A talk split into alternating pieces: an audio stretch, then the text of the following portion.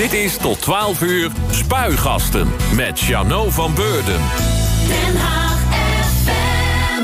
Welkom, je luistert naar Spuigasten, het politieke radioprogramma van Den Haag FM vanuit de Centrale Bibliotheek aan het Spui. Tot 12 uur neem ik de afgelopen politieke week door samen met mijn gasten. Straks rond half twaalf ga ik in gesprek met politiek journaliste Lex de Jonge van het Algemeen Dagblad, Maarten Brakema van Omroep West en ook Maaike Kraaienveld uit ons eigen team schuift aan. Samen hebben we het over wat ons de, het komende politieke jaar te wachten staat. Dat is straks in Spuigasten, maar eerst naar mijn nieuwsgast van deze week. Hinke de Groot, raadslid van het CDA. Welkom. Ja, goedemorgen. Goedemorgen. Ja, je stond uh, deze week samen met Chris van der Helm uh, van de VVD in uh, Den Haag Centraal met een opiniestuk. dat ging over steun aan middeninkomens in de energiecrisis. De hulp gaat nu alleen naar mensen met een laag inkomen. Maar het zou volgens u en-en moeten zijn en niet of-of. Toch?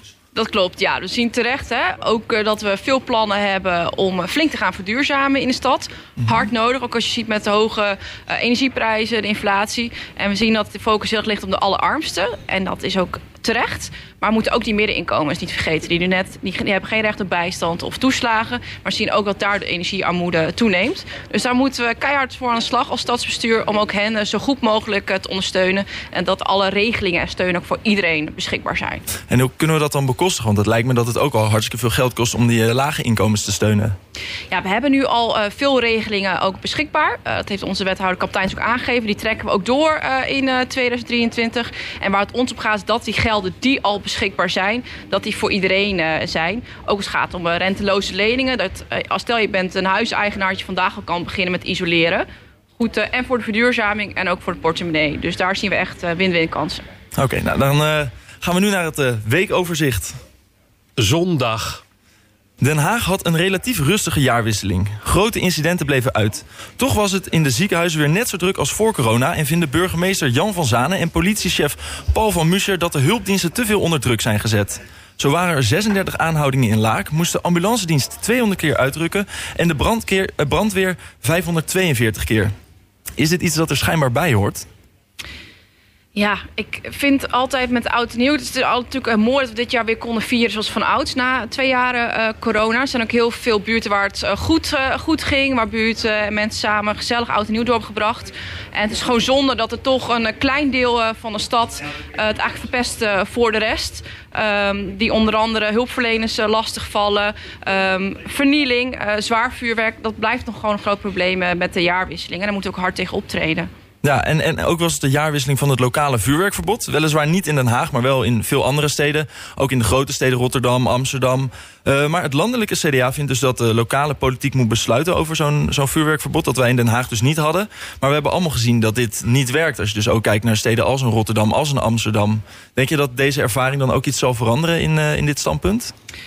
Nou, als het aan mij ligt, als CDA uh, ligt uh, verder niet. Uh, wat wij zien is dat als er een, een, landelijk verbod zou komen. Je ziet eigenlijk altijd met oud en nieuw. Hè, er komt weer discussie van, hè, moeten we nou doorgaan met vuurwerk of niet? En als het komt, dan moeten we natuurlijk ook als gemeente Den Haag daaraan conformeren. maar zelf zie ik niet zoveel meerwaarde in een lokaal vuurwerkverbod. Juist ook als je kijkt naar afgelopen jaarwisseling... zien we in steden die dat vuurwerkverbod hadden... dat het effect daar heel beperkt van was. En dat er nog veel werd afgestoken. En het echte probleem met de jaarwisseling zit maar niet in of je nou op een veilige manier vuurwerk met elkaar afsteekt. Maar zit met name in uh, dat er een paar mensen zijn die onder andere zwaar vuurwerk af, afsteken. Dat zag je ook bij mij in de buurt. Dat is, is, niet meer leuk vuurwerk. Het is gewoon explosieven die afgaan in je wijk. Een soort van onveilig gevoel. Mm -hmm. ja, en de mensen die... Um, die zorgen voor vernieling, uh, die de brutaliteit en onfatsoen hebben om ook uh, gewelddadig uh, te handelen richting hulpverleners. En daar ligt mij het probleem. En, hoe, en, niet hoe... in een vuurwerkverbod, ja of nee. Maar hoe pak je dat dan aan? Dus, dus hetgene wat wel voor een probleem zorgt? Nou, we moeten voor mij in ieder geval zorgen dat zware vuurwerk... Hè, en dat doen we ook al heel veel voor. Hebben we ook uh, nog voor uh, de kerst uitgebreid over gehad, inderdaad. Dat zware vuurwerk, dat moeten we hard aanpakken tegen. Dat is niet alleen wat we lokaal kunnen doen. Dat is ook iets wat we uh, landelijk moeten aanpakken. En misschien ook, en ook in de buurlanden. Dat, dat we daar ook, dat ook tegen moeten gaan. Dus het is veel breder dan in Den Haag alleen. Daar zit het probleem. En verder ook wat de hulpdiensten hebben natuurlijk al ontzettend veel gedaan. Deze oud en nieuw hulde daaraan. maar ook samen met, met de wijken, met de vrijwilligers... de oren en ogen in de wijken... zorgen dat we op een goede manier uh, oud en nieuw met elkaar vieren. En moeten we dat dan dus landelijk of lokaal gaan aanpakken... dat probleem dat er nu nog is? Uh, en en. Dus we moeten zorgen dat het zware vuurwerk, zowel lokaal, landelijk, dat we daar eh, dat hard tegen gaan. Oké, duidelijk. Dan gaan we naar de volgende dag. Maandag. Ja, maandag. Maandagochtend werden verschillende kogelinslagen gevonden bij een kantoorpand aan de Schedeldoekshaven. Het zou gaan om een pand waar meerdere overheidsinstanties werken. Er waren gelukkig geen gewonden, maar het lijkt mij zaak dat dit niet eh, thuis wordt in het centrum van de stad. Zeker niet. En het is ook wel angstig natuurlijk, zulke dreiging. Uh, ook stadhuis, waar ook dreiging, uh, dreiging was.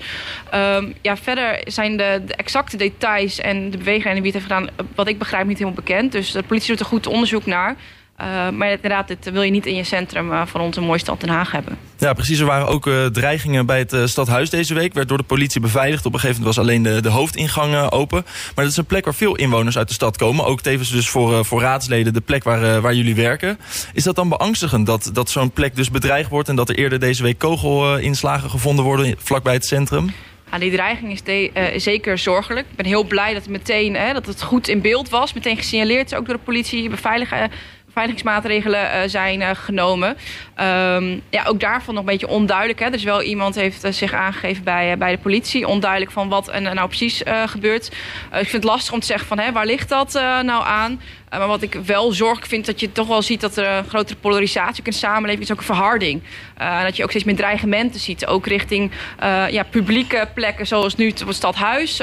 ook bij de Scheeldoekshaven. En ook richting politiek. Dus dat vind ik wel een zorgelijke ontwikkeling die je toch wel ziet in de samenleving. Heb je dat zelf ook wel eens meegemaakt? Ik heb tot nu toe gelukkig nog uh, weinig uh, bedreigingen gehad. Wel, uh, nee, dat, eigenlijk dat ook echt best wel erg. Gewoon bijvoorbeeld berichten bijvoorbeeld die je via Twitter krijgt. van ik weet waar je huis woont op een tweet bijvoorbeeld via een privébericht. Dat zijn dingen die er helaas bij horen. En die ook echt denk ik wel... Um, toch wel democratie onder druk zetten. Ook wel uh, ja, je werk als volksvertegenwoordiger. En wat, waar we ons echt tegen uit moeten spreken. Dus uh, helaas. Voel je die druk? Um, ik hou er wel rekening mee dat uh, voor, kan komen. We hebben het als raadsleden onderling ook wel over. En het is vooral zaak om je daar tegen uit te spreken, tegen haat. En ons vooral niet te, te, laten verdelen. Want wij doen ons uiterste best om het beste voor de stad te doen. Um, er wordt heel veel goed werk gedaan op Stadhuis. Um, en dat, je moet, ja, bedreigingen hoort daar en haat hoort daar echt niet in onze stad thuis. En is er dan ook iets wat je daar tegen kan doen? Want we zien het inderdaad meer gebeuren. En nou deze week dus eigenlijk ook twee, twee grote voorbeelden in de stad. Wat, wat doe je daar nou tegen? Nee, het uh, hard tegen uitspreken. Ook uh, zowel in de samenleving als politiek. Van dit is de grens en dit gaat over de grens. Uh, en wat ik ook wel belangrijk vind is... je ziet eigenlijk polarisatie eigenlijk ook wel in onze stad. Een van de meest gesegreerde steden. ook wel hard en direct. En een beetje directheid mag ook. Maar er zijn grenzen. En ik vind ook dat we als politiek daar wel een beetje voorbeeld mogen nemen. Uh, ik ben een nieuwe raadslid sinds maart. En ik merk ook wel dat de raad ook behoorlijk gepolariseerd is. Um, heel hard. Uh, daar mogen we ook wel kijken wat minder op de persoon en meer op de inhoud. Kijken wat ons verbindt om ons stap mooi te maken. Want daar zitten we daar uiteindelijk voor. Iets waar jij ook de komende tijd uh, verandering in zal proberen te brengen. Zeker, ja. Weer volop mee aan de slag in het nieuwe jaar.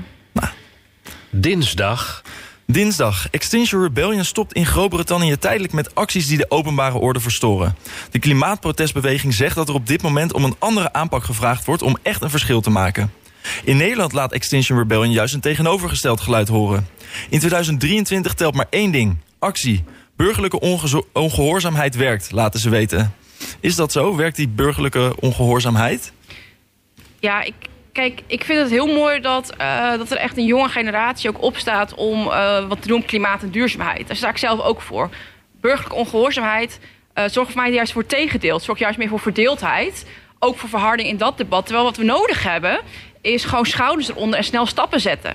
Um, dus door echt plannen te maken met de mensen en uh, je niet ergens vast te binden of vast te lijmen en uh, door de wet te overtreden of uh, aan andermans spullen te zitten. Volgens mij werkt het juist averechts. Nou komen die acties natuurlijk ook wel voort uit een soort van ongehoord worden. Door dus ook onder andere de politiek. En je zegt het, het samen doen. Hoe kunnen we dat dan doen?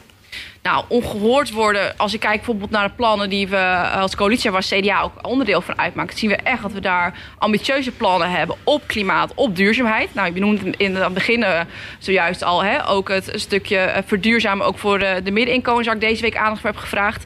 Er zijn er nog veel meer dingen waar we echt ook in 2023 verder mee aan de slag kunnen gaan met verduurzamen. En volgens mij zou het veel meer helpen als mensen meedenken met beleid. Of dat je kijkt van, hé, hey, wat kan ik in mijn wijk doen? wat kan ik doen duurzaamheid? duurzame energie, zonnepanelen? Of kan ik bij een organisatie werken die zich inzet voor verduurzaming? Volgens mij helpt dat veel meer om de schouders eronder te zetten uh, dan je er zo tegen af te zetten. En volgens mij in ieder geval. Uh, uh, wat CDA betreft, ook bij wat hier het gemeentebestuur betreft, zijn er echt veel plannen in ieder geval. En wordt het nu tijd om het uit te voeren. En hebben juist mensen nodig om mee te denken, mee te werken. En niet de burgerlijke ongehoorzaamheid, dat werkt er echt niet bij. En nu komen die mensen dan in gesprek met jullie, die mensen die deze punten maken? Nou, er zijn onder andere bijvoorbeeld plannen om, uh, om met uh, de samenleving met het klimaatpact aan de slag uh, te gaan. dus er is er onlangs nog een burgerberaad ook geweest. Gaan we komende week ook verwacht ik ook over spreken wanneer weer in de commissie ook over duurzaamheid wordt gesproken. Volgens mij moeten we daar dan kijken van hoe kunnen we dat, dat verder, verder brengen. En er zijn al heel veel initiatieven, en dat hoor ik ook vanuit wijken, om aan de slag te gaan. En wij moeten als stadsbestuur voor zorgen dat we zo maximaal faciliteren. En zorgen dat het nu echt gaat vliegen en echt de schouders eronder. Want ik ben Waar ik in die zin wel uh, de kritiek kan vinden... is dat er afgelopen jaar echt te weinig is gebeurd. Maar er liggen nu ambitieuze plannen en nu vooruit. Ja, en die, die ambitieuze plannen die zijn ook concreet genoeg... om dus daadwerkelijk wat te gaan doen? Nou ja, ze moeten nog concreter wat mij betreft. Dus wat mij betreft moeten er nog uh, concretere doelen komen van wanneer, ik noem maar eens wat, uh, zijn de huizen uh, naar een duurzame energielabel geïsoleerd. wanneer hebben we alternatieve bronnen voor, voor gas, voor energie. nou ja, dat zijn allemaal dingen die, waarmee we gewoon aan de slag moeten in 2023 en verder. Um, dus ze, voor mij zijn de doelen concreet. En we moeten nu zorgen dat we uh, naar uitvoering gaan, naar realisatie uh, daarvan. Zodat mensen het ook echt zien. en dat we ook echt verduurzamen met minder uitstoot van emissies, et cetera. Ja, want deze week zagen we ook nog dat inwoners van Den Haag opnieuw getroffen werden door klimaatactiegroep de Tire Extinguishers. Zij lieten banden van auto's leeglopen. Maar dit soort acties die, maken eigenlijk juist geen indruk op de politiek om, om het te versnellen. Nou, het zorgt meer voor, voor boosheid in de samen, samenleving. Je blijft gewoon uh, van andermans spullen af. Uh, daarnaast vind ik het ook nog heel erg uh, gevaarlijk wat je hier doet. Dat je zomaar de banden laat leeglopen van auto's. Hadden we ongelukken kunnen gebeuren. Dat is gelukkig niet gebeurd. maar dit is echt iets wat we niet kunnen tolereren. Je hebt gewoon je fatsoen te houden. En ook van andermans spullen af te blijven. En niet te zorgen voor gevaarlijke situaties. Want dat had echt kunnen gebeuren. Ja, en de VVD komt met schriftelijke vragen. Is dat genoeg om, om daar wat aan te doen? Nou, ik denk in ieder geval heel goed dat er voor dit onderwerp uh, aandacht voor is. Uh, en ook dat als, als er zulke situaties weer uh, voorkomen... is heel belangrijk denk ik, met mensen aangifte gaan doen. En ook dat zorgen dat mensen die dit doen... dat die er niet ongestraft mee wegkomen. dat het niet zonder consequenties... Dit is echt gewoon iets dat, dat kunnen we niet laten gebeuren in onze stad. Ja, dus echt de, de boodschap om aangifte te doen. Want op de site van tire, uh, de Tire Extinguishers staat dat er in Den Haag al ongeveer 50 uh, banden leeg zijn laten lopen. 50 autobanden. Maar bekend waren er eigenlijk veel minder gevallen nog. Precies, en daarom is het zo denk ik belangrijk om het probleem in kaart te brengen. Dat we weten om hoeveel gevallen het gaat. Want er zijn nu een paar bekend, er zijn misschien nog veel meer. Um, en uh, daarom is het ook belangrijk dat je dat signaleert, bekend maakt. Zodat we ook weten hoe groot het probleem is. Woensdag de woensdag. In Den Haag gaat de gemeentelijke belasting het meest omhoog van de vier grote steden. Dat schrijft het Financiële Dagblad afgelopen woensdag. De krant keek daarvoor naar de tarieven voor mensen met een koophuis. De rioolheffing, afvalstofheffing en uh, ontroerend zaakbelasting. Maar hoe kan het dat in Den Haag dan ten opzichte van die andere grote steden... de, de gemeentelijke belasting zo hard stijgt? Nou, wat we allereerst uh, zien, inderdaad, hij is, hij is gestegen. Maar we zijn nog steeds uh, wel van de G4, van de vier grote steden... degene waar de belasting nog steeds gemiddeld het laagst is. Uh, Ik las dat hij nu overal 850 euro is gemiddeld. Hij is in ieder geval gestegen. dat is gemiddeld inderdaad. ik heb begrepen dat Rotterdam is de stijging het, het laagst... maar nog steeds wel hoger als het gaat dan de gemiddelde in, in Den Haag. Uh, er wordt onder andere gekeken naar gemiddelde uh, gezin met een bepaalde WZ-waarde van het huis. Dan is Den Haag nog steeds het laagst. We hebben inderdaad een stijging. Het heeft mee te maken dat we ook uh, flinke uh, maatregelen hebben getroffen, ook op het gebied van financiën. Dat zijn ook wel uh, pijnlijke besluiten soms. We zijn als CDA onderdeel van het stadsbestuur. Dat betekent dat je ook niet altijd gemakkelijke beslissingen moet nemen, maar dat is juist nodig om de basis op orde weer te krijgen. van onze gemeentelijke financiën. Die stonden er niet goed voor. Daar zijn echt keuzes gemaakt. Uh, zodat wij ook op lange termijn weer gezonde financiën uh, hebben. Um, en mij is dat heel belangrijk om dat te doen. En volgens mij is het belangrijk ook, zoals ik al zei, we hebben misschien wel de hoogste stijging. Uh, maar als je kijkt naar de daadwerkelijke kosten van gemiddelde belastingen, dan zien we nog steeds dat wij het laagst zitten van alle vier steden. En volgens mij moet het ook zo behouden en moet het ook uitgangspunt blijven. En daar ben ik ook blij mee dat we dat ten opzichte van andere steden goed doen. Dus we hebben wel ook nog wat in te halen, eigenlijk wat je, wat je hiervoor zei van het was een tijdje iets minder en dat zijn we nu dus ook aan het inhalen? Ja, we hebben echt uh, de financiën, dat was ook onderwerp bij de gesprekken, uh, bij de onderhandelingen, dat er echt uh, flink ook structureel oplossingen nodig zijn het gebied van financiën. Nou, die structurele oplossingen zijn er nu. Structureel uh, ook dekking daarvoor. Maar dat betekent ook dat je zo'n pijnlijke beslissingen moet uh, nemen. Uh, die we ook als CDA niet altijd gemakkelijk vinden. Maar dat is ook politiek. Het gaat natuurlijk niet altijd om de gemakkelijke beslissingen nemen. Het gaat om wat is het beste voor de stad. En ik denk dat deze besluiten echt nodig zijn om te zorgen dat de financiën gezond zijn. En we moeten ervoor zorgen dat we ten opzichte van die andere steden dat we ook uh, uh, laagste blijven als het gaat om het uh, niveau van belastingen. Ja, nou las ik inderdaad dus wel, dus wat ik net ook zei... Van dat het nu wel ongeveer overal 850 euro is. Dus ik weet niet of het verschil zo groot is nog tussen de andere grote ik, steden. Wat, wat, ik heb begrepen in andere steden is dat het gemiddeld boven de 900 is... en dat wij nog aan de onderkant. Inderdaad, gemiddeld zit je op 850, maar is net onder dat gemiddelde. dus volgens mij is, is dat goed. Um, en moeten we nu gewoon zorgen dat hè, met die financiën die we nu op orde hebben... dat we nog gewoon nu volop weer aan de slag gaan. om, ondanks misschien die pijnlijke beslissingen uh, gaan we namelijk ook investeren in mooie, mooie dingen. Uh, we gaan investeren in een doorstro betere doorstroming van de stad, in verduurzaming. Uh, we gaan heel veel mooie dingen doen en daar moeten we aan de slag. Dus het blijft toch aantrekkelijk om in Den Haag te blijven wonen? Zeker. We gaan de stad wat mij alleen maar mooier maken. En ook deze besluiten waren nodig, ook voor de volgende generatie. Omdat het de mooie stad is hier om te wonen. Donderdag. Donderdag. Honderden asielkinderen in Nederland krijgen al maanden geen onderwijs vanwege het lerarentekort. De kinderen zijn weliswaar verplicht om naar school te gaan, maar gemeenten kunnen ze niet helpen door een tekort aan bevoegde leerkrachten. Ook in Den Haag zitten kinderen die op school horen te zitten thuis. Uh, ja, iets wat dus niet kan, maar toch gebeurt. Ja, het is natuurlijk schrijnend. Um, ieder kind heeft gewoon recht op onderwijs. En je wil dat een kind, uh, waar een kind ook vandaan komt, van jongs aan voor volop mee kan doen. En daar hoort onderwijs uh, ook bij, dat je taal goed leert. Het gaat hier ook om kinderen uh, die ook soms in oorlogssituaties uh, vandaan komen. Dus je wil ook dat ze hier gewoon ja, aan de slag kunnen gaan, op school kunnen gaan. Um, daar hebben we ook als raad al aandacht voor gevraagd op die wachtlijst. Het gaat nu om 350 kinderen, dat, dat die uiteindelijk verdwijnen. Uh, maar punt is, uh, we hadden al een lerarentekort. Uh, ondertussen heeft het Rijk, wij ook de verantwoordelijkheid gekregen om nog meer mensen ook op te vangen. Maar het leertekort is in de tussentijd natuurlijk niet, niet opgelost. Dus dat is schrijnend. En ja, daar moeten we verder natuurlijk wat aan doen. Ja, en wat kan de gemeente daar dan aan doen om, om dat tekort op te lossen of om die kinderen toch een soort van, van onderwijs te kunnen geven? Nou, onze wethouder van uh, onderwijs, heel breed, maar doet ontzettend zijn best uh, om, en uh, probeert alle mogelijkheden in te zetten, zodat we deze groep kinderen kunnen helpen. Kan je daar een voorbeeld bij geven? Nou, een voorbeeld is onder andere nu ook de onderwijsproef die wordt gedaan. We hebben natuurlijk een, een tekort aan bevoegde leraar voor de klas. maar er wordt nu ook gekeken of we toch niet als tijdelijke oplossing ook niet bevoegde leraar voor de klas kunnen zetten. Zodat ze in ieder geval aan de slag kunnen gaan. Want je wil niet dat kinderen zich vervelen in zo'n hotellobby. Maar dat ze alsnog wel aan de slag kunnen gaan met taal. Dus dan bijvoorbeeld denk aan onderwijsassistenten die het kunnen doen. Of andere mensen dat zij toch ja, wel samen met al andere kinderen wel een, een ander type van onderwijs kunnen krijgen. Dat is een tijdelijke oplossing. Ehm, maar wat ook natuurlijk wat ik wel schrijnend vind, of ja, toch wel problematisch is ondertussen, ja, die verantwoordelijkheid neemt niet af. We zien dat het Rijk nog steeds een opgave heeft. we voldoen aan onze verant verantwoordelijkheid. Ondertussen is het Rijk ook al teruggevloten. Het gaat om die gezinshereniging. Dus ik verwacht niet dat het, het probleem gaat afnemen dat we te weinig plekken hebben. Dus we moeten alles doen als gemeente. Uh, alles inzetten om zo goed mogelijk die kinderen te kunnen helpen. Maar we kunnen niet alleen, we hebben ook het Rijk uh, nodig. Dus daar wordt ook uh, hard voor gelobbyd dat ook het Rijk over de brug komt. Want we kunnen de gemeente niet alleen. Ja. En dat geldt voor Den Haag. Het geldt ook voor andere gemeenten die precies exact hetzelfde probleem hebben. Oké. Okay. Vrijdag. Dan gaan we naar de laatste dag. Sinds vrijdag is het samenscholingsverbod in, in Eskamp opgeheven. Middels een noodbevel werd de maatregel 30 december ingesteld door burgemeester Jan van Zanen... naar aanleiding van een steekpartij. Uh, dat de burgemeester een noodbevel heeft uitgevaardigd is zeldzaam. Maar wat betekent het dat het zover heeft, heeft moeten komen eigenlijk? Ja, ik ben zelf ook, net als heel veel mensen in Den Haag, heel erg geschrokken van het incident. Natuurlijk verschrikkelijk wat daar in die buurt is gebeurd. Um, zowel voor het slachtoffer als ook voor de buurt. Als dit natuurlijk in je eigen straat uh, gebeurt. Ik vind uh, dat de burgemeester heel goed heeft gehandeld naar bevind uh, van zaken. Dus ook het samenscholingsverbod, dat er weer rust terugkeer in de buurt.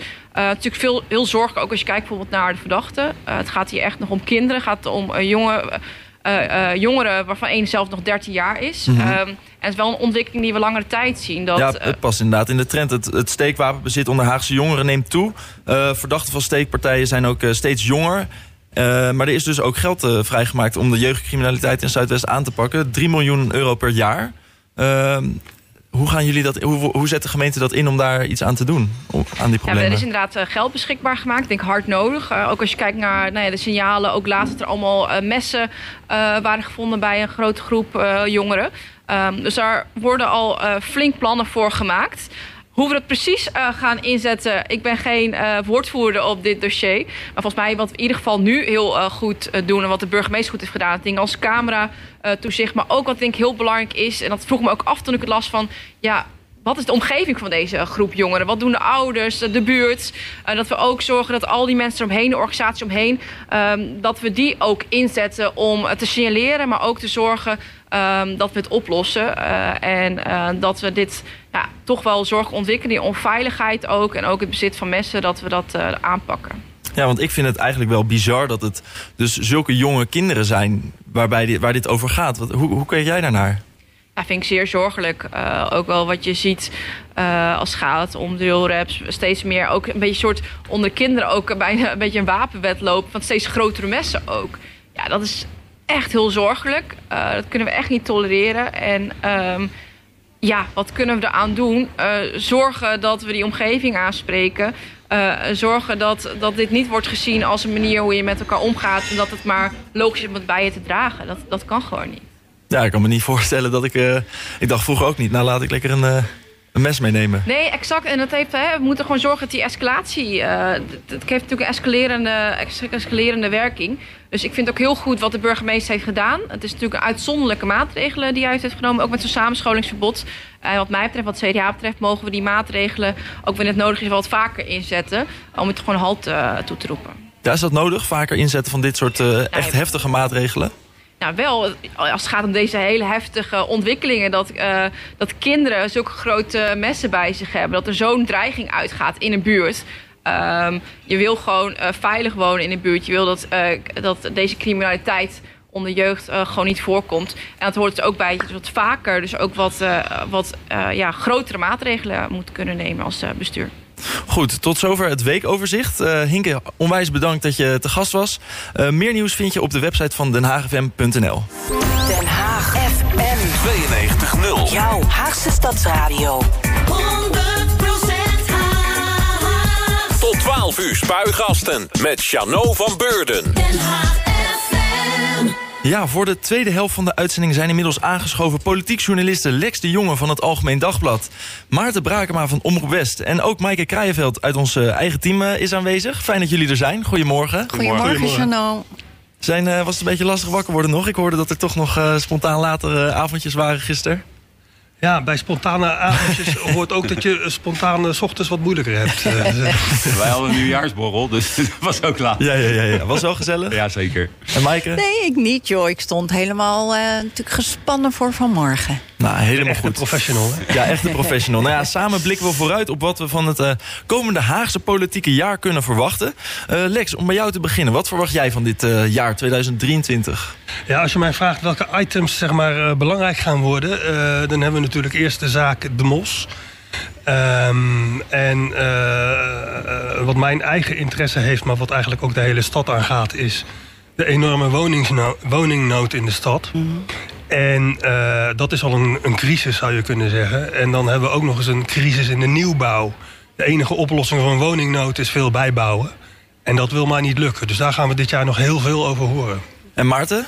Ja, als ik daar nog uh, goede onderwerpen zeker. En uh, als ik daar nog aan toe mag voegen, is dat er ook nog een, uh, een raadsenquête komt naar de bouw van Amare. Dus is ook wel iets wat zich eigenlijk hier in het uh, Stadshuis gaat afspelen. Maar het is toch super interessant, hè? Want we, is hier, we kijken er bijna bovenop. Ja, een heel nieuw cultuurcomplex verrezen de afgelopen jaren. Als ik in mijn herinnering terugga, is daar meer dan 15 jaar over gepraat... voordat het ooit is begonnen aan de bouw ervan. Ja, en toen bleek uh, tijdens uh, de bouw eigenlijk al, al zagen we allemaal aankomen dat het duurder werd en langer ging duren. En dat werd eerst door de gemeente ontkend, maar dat gebeurde uiteindelijk toch. Toen is er al een uh, onderzoek naar gedaan door, de, hoe heet het, gemeente, door de rekenkamer van de gemeenteraad. En toen bleek eigenlijk dat het gewoon veel duurder was geworden ja. dan gepland. Sterker nog, duurder dan het eh, oude ontwerp dat er zou komen. En waar, waar dat niet doorging omdat het te duur was. Nou, dan gaan we daar zo ook, eh, gaan we daar zo ook eh, op. En dat je loopt ook er helemaal leeg. het speelt in ieder geval. En, en Maaike, heb jij nog wat toe te voegen? Wat, eh, Nou ja, ik, ik maak we eigenlijk wel. Hè, Lex en Maarten noemen nu twee punten. Ik heb net eh, Hinke de Groot gehoord. eh, hè, met alles wat er op ons afkomt in de stad. Je weet eigenlijk gewoon niet meer waar je moet beginnen. Maar dat hoop ik straks ook van Lex en Maarten. Dat kunnen die helemaal eh, doorgewinterde raadsverslaggevers. Nou, kijk, dan komt dat helemaal goed. En laten we dan eh, even beginnen met de corruptiezaak tegen oud-wethouder eh, Richard de Mos. Een zaak die de Haagse politiek al drie jaar beïnvloedt. Eh, de Mos en zijn partijgenoot Gernoui zullen 23 januari eindelijk voor de rechter verschijnen. En de uitslag zal hoe dan ook eh, grote impact hebben op het eh, gemeentebestuur. Wat is jullie verwachting? Ehm, bedoel je dan de verwachting wat de rechter gaat uitspreken? Nou ja, onder andere. Ja, dat is heel moeilijk. En dat is eh, zeker met deze zaak. eh, en ik hoor het van iedereen, slinger je steeds eh, tussen twee meningen in. De ene keer denk je, het kan toch niet zo zijn dat het OM dit allemaal optuigt. Een zo groot inzet. En er, er komt uiteindelijk niks van een vonnis terecht. Aan de andere kant twijfel je ook steeds van ja, is het nou echt zo erg wat er is gebeurd? En wat we weten, eh, eh, eh, is dat genoeg om hem inderdaad te veroordelen? Het is, het is heel moeilijk om daar iets over te vinden. En dat is precies het probleem waar die stad nu mee zit. Al drie jaar denken we over de grootste partij en de partijleider van de grootste partij. Is het een toffe gast of eh spoort hij niet? Ja, Ja, dat want- is echt moeilijk. Maar Maarten, wat is de invloed dan van dit alles op de, op de politiek in Den Haag? Nou die invloed is natuurlijk eh, echt e- enorm. Eh, er is natuurlijk in de vorige collegeperiode is er al een, eh, een stadsbestuur uit elkaar ge- gevallen. Hè. De, de- toen de, de, toen de Re- Rijksrecherche hier een inval had gedaan in het stadhuis en bij, en bij de Mos en eh, thuis. Toen de dagen daarna hebben de andere partijen het vertrouwen in groep de Mos toen nog opgezegd. En dat leidde tot het aftreden van die twee wethouders. Vervolgens eh, eh, waren, was er natuurlijk, waren er natuurlijk dit. eh, dit. Het nieuwe jaar is nog net begonnen. En vorig jaar natuurlijk verkiezingen. En, en, en daar werd de Mos weer de grootste partij. Maar voordat er verkiezingen waren geweest... was al duidelijk dat hij eigenlijk niet in het stadsbestuur zou terechtkomen... vanwege deze corruptiezaak. Dus die, die, en, en dat bleek natuurlijk daarna ook. eh, D66 vooral, die bleef volhouden dat, dat ze niet met de, eh, de en Mos... nog, hè, Ja, Maarten? en nog, nee, nog. zeker. stel, Ja, dat, nee. stel dat er wel een uitspraak komt... en eh, waarin eh, ze niet worden veroordeeld... dan heeft hier in Spuigasten eh, D66 gezegd... nee hoor, dan eh, gaan, we dat niet doen. Nee. Ja, nou ja, ik heb hier ook in, in Spuigasten de, de premier notabene horen Ja. zeggen... dat hij dat heel onverstandig besluit vindt. Dus ik vraag me af, eh, ja, kijk... eh, eh, dan moet er echt, vind ik, een heel goed argument komen van, van de D66... om Ja. te zeggen van ja, er zijn twee mensen die zijn vrijgesproken door de rechter... eh, maar we gaan toch niet met ze in zee. Ja, dat, dat, dat vind, ik bijna, vind ik bijna onvoorstelbaar, eerlijk gezegd. Zeker ook omdat de MOS he- al heeft aangeboden... eh, of heeft gezegd van eh, in het, in het geval dat het zover komt... dat wij mee gaan besturen, zijn wij zelfs bereid om de Mos zelf en Gernoui geen wethouder te laten worden. Mhm. Maar andere mensen uit die partij, die hebben daar helemaal niks mee te maken. Rita de mensen die hij heeft aangewezen, nou in ieder geval, we weten van Rita Verdonk, maar er gaan nog andere namen. Die waren nog niet eens actief voor groep de Mos toen dit speelde. Dus ja, dat, dat is echt Mhm. En dat zou dat, ik echt dat voedt dan vinden. toch ook eh, Ja, ja, nee, allerlei natuurlijk. speculaties en geruchten. Is het nou Kijk, je een moet, politiek je moet ook niet vergeten eh, dat D66 natuurlijk heel ver afstaat van groep De Mos. Eh, en dat betekent dat het eigenlijk natuurlijke vijanden zijn. Dus zelfs zonder die zaak hebben zij niks met de Mos. Dus dat zij zeggen, wij willen niet met de Mos, ook al is het de grootste partij. Ja, dat is politiek wel te begrijpen. Maar zeg dat dan gewoon. Ja, maar maar het argument nu was de corruptiezaak. Ja, dat als, als, als Ja. er een vrijspraak is, kun je die corruptiezaak natuurlijk niet meer gebruiken als argument. Dat lijkt en, me duidelijk. en het ging uiteindelijk, de mos, eh, het, het komt allemaal door dus die, dat geld dat ze hebben aangenomen. En Mag, wat dan, mag ik één ding, maar Ja? één- en nog één ding, Ja, iets anders nooit iets zeggen? over zeggen. En dan, dan- sorry hoor, ehm, maar dit heeft ook heel veel impact op de bevolking in Den Haag. Hè? Ja. We hebben verkiezingen gehad en mensen die wilden stemmen eh, voor, voor de lokale verkiezingen vorig jaar. En stel dat je een beetje sympathie hebt voor die man. Ik denk, eh, die ombudspolitiek vind ik wel wat. Wat moet je dan doen?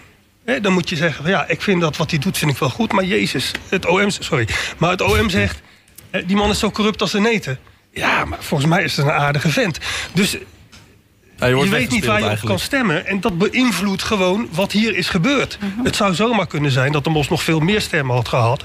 als die rechtszaak niet boven zijn, eh, zijn hoofd had... ge- Jij wilde daar ook wat op zeggen, Ja, ik Maarten? wil er ook nog iets over zeggen. En dat klinkt misschien hard, maar ik vind dat D66 ook wel goed is in groot worden door zich af te zetten tegen andere partijen. Dat hebben we in de Tweede Kamerverkiezingen gezien. Dat P van de D66 alles heel groot is geworden in een soort tweestrijd met de PVV, waar ze die, die partij zich heel hard eh, afzetten tegen Geert Wilders. En je ziet het nu in Den Haag een beetje. Bij, soms bij gebrek aan eigen ideeën gaan ze zich dan maar afzetten tegen een andere partij. En dat lijkt nu een groep de mos te worden. En eh, dat vind ik soms ook niet zo chic. Kom met je eigen standpunten. Ja, en wat, wat de Mos dus ook zelf heeft gezegd is van... oké, eh, de landelijke partijen, dus een D66 die dan ook in de gemeenteraad zitten... of een VVD die in de gemeenteraad zitten... die krijgen allemaal geld om campagne te, te voeren. En, en zij hebben dat dus via andere wegen moeten, moeten verkrijgen. Dat is Ja. een groot dat gaat pijnpunt. veranderen Dat, nu. eh, Ja. ja. Sorry, Maaike. Nee. Ja?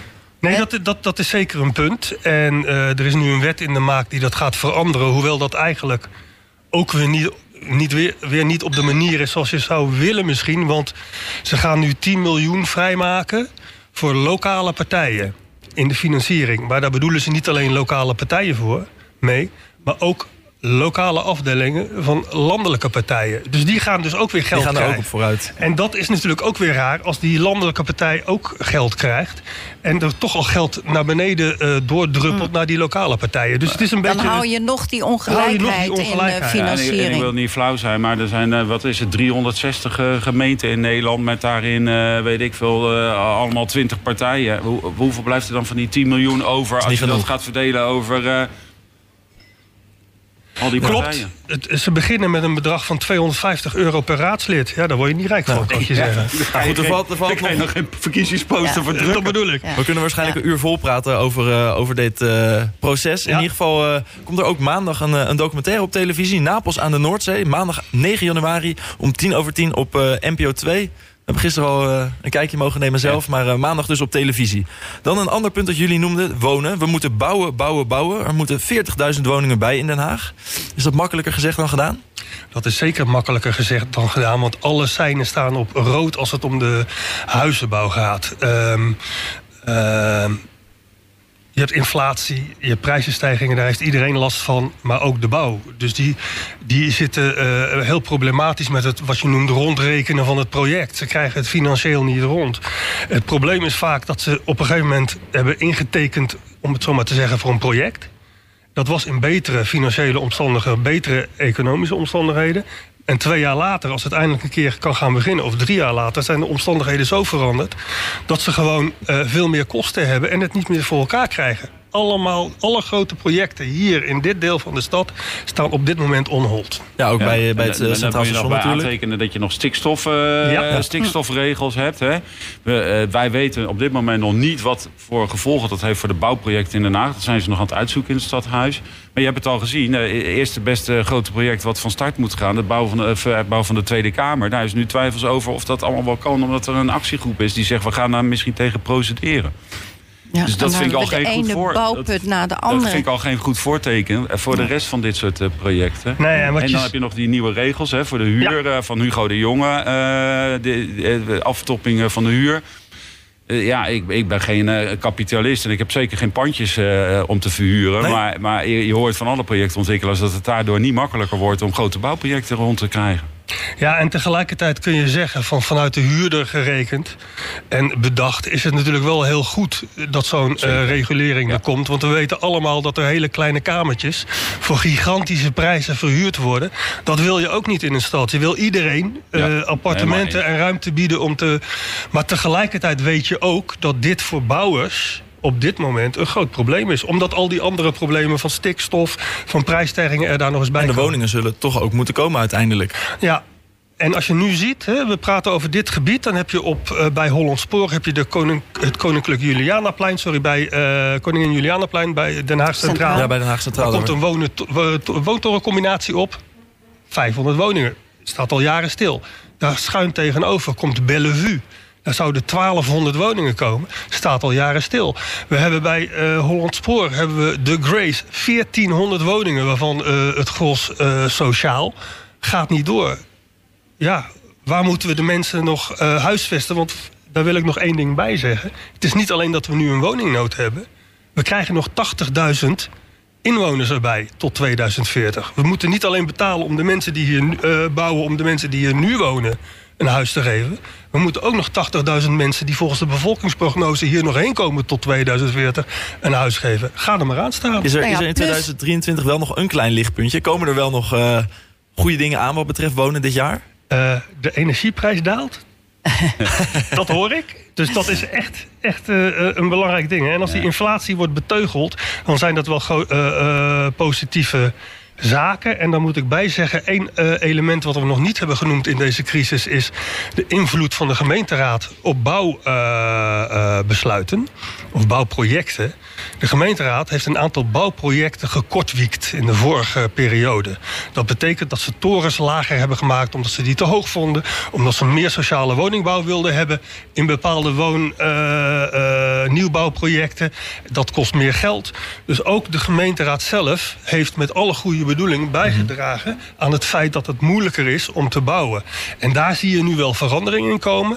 Want eh, een paar van die, eh, van die ingrepen van de gemeenteraad eh, dreigen nu weer teruggedraaid te worden, zodat er toch gebouwd kan worden. Nou ja, en ook dat bouwen, hè, jongens. Want we hoorden het ook bij Hinken. Maar we weten natuurlijk wel, alles hangt met alles samen. Den Haag heeft een structureel tekort aan leraren, politiemensen. eh, allemaal mensen eh, die we heel graag hier willen hebben.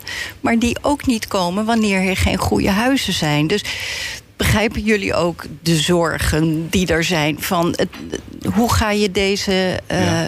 Nou ja, misschien moeten we dan toch maar even eh, een onderwerp wat, wat toch hard voor Den Haag te tafel De brengt olifant in de Kamer. De olifant in de Kamer. En dat is dat ze toch in Den Haag, vind ik, vroeg of laat een discussie moeten voeren. Of, eh, wat Lex zegt, of er tot 2040 al die mensen er nog bij kunnen komen. Want je kan wel zeggen van ja, bevolkingsprognoses en eh, dat is allemaal... en, en ja, als, als je het CBS en dan noem al die andere rekenmeesters maar op vervolgt, dan gaat dat gebeuren. Maar ja, wat, wat bied je die mensen, die nieuwkomers in Den Haag, wat bied je die dan aan? Wat bied je nou een Bulgaarse of een Roemeense of een Poolse of eh, eventueel zelfs een Spaanse iemand die hier naartoe komt en denkt ik wil hier gaan werken? Die bied je niks. Je biedt hem geen huis, je biedt hem geen eh, school voor zijn kinderen. eh, je, je, biedt hem geen voorzieningen. Want heel veel van die plekken in Den Haag waar al veel mensen wo- wonen. Eh, is, is te weinig groen. Daar is de gemeenteraad het eigenlijk ook wel over eens. En als je in die oude volkswijken kijkt, dan bied je hem ook, dat bied je hem dan wel aan, een enorme pestbende voor je op straat. Want de gemeente krijgt het maar niet voor elkaar om de straten schoon te houden. Tegelijkertijd daar- hebben daar we de wil ik wel iets tegenover arbeidskrachten nodig. Ja. hè, dit is even de advocaat voor de duivel Ja. die Ja. eh, Maarten speelt. Aan de andere kant Ja. kun je zeggen... omdat wij onze zorg, eh, zaakjes een beetje eh, niet, niet voor elkaar hebben... eh, laten we maar mensen niet toe. Dat is ook heel raar als je praat over Ja. vluchtelingen... en als je praat ik heb over... het niet nee, ja. snap ik. En als je praat over... ehm, eh, arbeidsmigranten die volgens de regelen van de Europese Unie En hier die we gewoon... keihard nodig hebben, hè? die we nodig hebben. Ja, En het Westland, hè, die zelf weigert om huizen Ja. te bouwen. Klopt, maar de hele samenleving heeft ze nodig. En, eh, eh, en eh, ze mogen hier ook komen. En het pijnlijke is natuurlijk wel dat we ze inderdaad niks te bieden hebben qua huisvesting. Ja, nou, ook- Maar ik vind dat je daar, wel- ik vind heel eerlijk, ik ben, daar ben ik het toch wel een beetje met de mos over eens. Daar moet je toch wel over durven praten, vind ik in de Je moet daar landelijk over durven Ja, praten. ik vind hier in Den Haag eerlijk gezegd ook. Van, als we nou weten dat er 80.000 mensen nog bij komen de komende jaren, hoe gaan we dat dan goed vormgeven? Het was ook een van de stukken die is ingebracht hè, bij de coalitieonderhandelingen door ambtenaren. Er is een heel document bij geweest over de bevolkingsgroei en de prognoses. En, zo. en ik vind dat die partijen die, Nee, daar, die hadden daar natuurlijk eens. wel eh, iets over moeten zeggen. Volledig vind ik, eens. Je moet- coalitie. je moet dat debat niet, voeren. Ik, ik ga hier natuurlijk niet zeggen. Nou ja, Hugo de Jonge is dat zegt, debat natuurlijk al begonnen, maar- hè? volgens mij, als ik het zo hoor, is het iets om in de gaten te houden het komende jaar. Ja, ja, en je moet dat eh, debat eh, goed eh, eh, houden. En dat is een, is een cliché natuurlijk. Maar Ja. Daar bedoel ik mee dat eh, de raad dusdanig gepolariseerd is... dat het er nu op lijkt dat als je dit debat voert... het van twee kanten nergens naartoe gaat. Want Nee, ze staan zo reinig tegenover elkaar. Je moet dan Met elkaar in elkaars, gaan. in elkaars eh, standpunten, in elkaars meningen... moet je je verdiepen, moet je een soort compromisachtige Ja. dingen sluiten... of eh, ja, in ieder geval in het debat om daar goed over te praten. En dat zie ik nu niet gebeuren. Sowieso belangrijk volgens mij ook als we net naar het nieuwsoverzicht kijken... om eh, die hardheid er een beetje uit te halen Ja. in 2023. Ja, er is één, eh, één ding. eh, de- er is een nieuwe gemeenteraad, hè? Ja, De vorige gemeenteraad heeft afscheid genomen. nou, sommigen konden elkaar niet luchten of zien, sommige partijen, sommige fracties. En nu is er een nieuwe gemeenteraad waar veel nieuwe mensen Frisse zijn ingestroomd. En dat is wel eh, de hoop dat daar, en ook wel het, de verwachting dat het eh, wat beter wordt met, eh, met die, met die eh, toch wel extreme polarisatie in de raad. goed. Maarten, dan naar die raadsenquête eh aan Mare. Je noemde het net al, maar Nee. vertel nog één keertje... wat is nou dus de situatie daar? Nou ja, er is daar er is eerst dus 15 jaar over gepraat. Dat eh, eh, eh, Den Haag een nieuw cultureel hart zou moeten krijgen. Onderkomen voor het residentieorkest, Nederlands Danstheater. En uiteindelijk is daar ook eh, eh, natuurlijk eh, het Koninklijk Conservatorium eh, bijgekomen. Eh, het idee was dat die oude zalen die hier ooit aan de spui stonden... dat die waren voor een ja, te goedkoop bedrag eh, neergezet. Die waren niet van goede kwaliteit. Zou iets moois nieuws moeten komen. Eh, ja, toch ook met het idee van... eh, we hebben ooit een nieuw ADO-stadion neergezet. Eh, eh, we, we moeten ook de mensen die aan de, wat meer aan de bovenkant zitten van de samenleving... moeten we ook kunst en cultuur gunnen. Het idee was trouwens toen ook nog dat Den Haag culturele hoofdstad wilde worden. Ik geloof van 2018 zelfs. Ja. Van Nederland, van Europa. Dat weet ik niet. Ja, Europa geloof ik zelfs. Hè. En dat dan zo'n nieuw cultuurcentrum daarbij aan toe zou kunnen bijdragen... dat dat zou lukken. En dus daar is toen heel veel over gesproken. Is geld gespaard, is, zijn architecten geselecteerd. De stad heeft erover mogen meepraten. Hè, die heeft eh, zelfs architect eh, het ontwerp gekozen uiteindelijk. Ja, en toen veranderde er in de politiek best wel veel. Haagse Stadspartij eh, die, die verzette zich tegen dat plan. En uiteindelijk werd, kwam die met vijf zetels in de gemeenteraad naar die verkiezingen. En toen ging dat hele plan van tafel. En toen kwam er een heel nieuw plan. Ja, en dat zou goedkoper worden en mooier worden volgens de toenmalige wethouder eh, Joris Wijsmuller. Ja, en beide is natuurlijk eh, volledig mislukt. Het Dus is alles bij duurder elkaar geworden en heel het ziet er duurder. verschrikkelijk uit. En eh, ja, het is net of...